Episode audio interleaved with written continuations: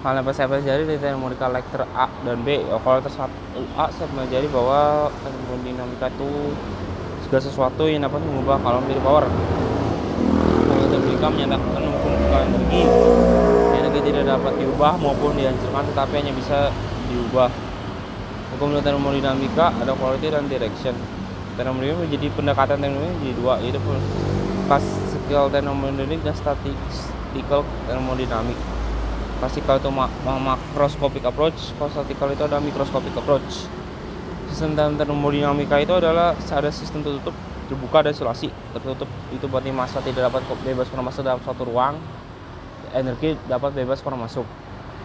Kalau sistem terbuka massa dan energi dapat bebas keluar masuk dalam suatu ruang. Sementara kalau isolasi massa dan energi tidak dapat keluar masuk properti sistem itu lalu di termodinamika adalah properti sistem. Pertama ada intensive properties dan extensive properties. Intensive properties tidak bergantung pada masa sementara extensive properties bergantung pada suatu masa. Ini uh, di lecture 1B ada namanya state and equilibrium.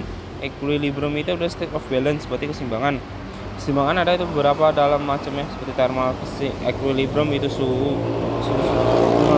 mechanical equilibrium tekanan seimbang. Phase equilibrium itu berarti tidak ada yang berubah phase nya chemical equilibrium khususnya tidak ada yang berubah. Ini ada namanya state postulate. State postulate itu berarti ada menggunakan intensive properties. Lalu kemudian ada proses cycle. Proses ini berarti ada terjadi pada, pada sistem dari equilibrium satu ke equilibrium yang equilibrium lalu ada ekuasi equilibrium proses prosesnya mirip equilibrium tapi ke, kenyataannya sangat jauh dari equilibrium. Cycle proses kan dari inisial ke final dan dari final ke inisial. Demikian ini dari saya. Terima kasih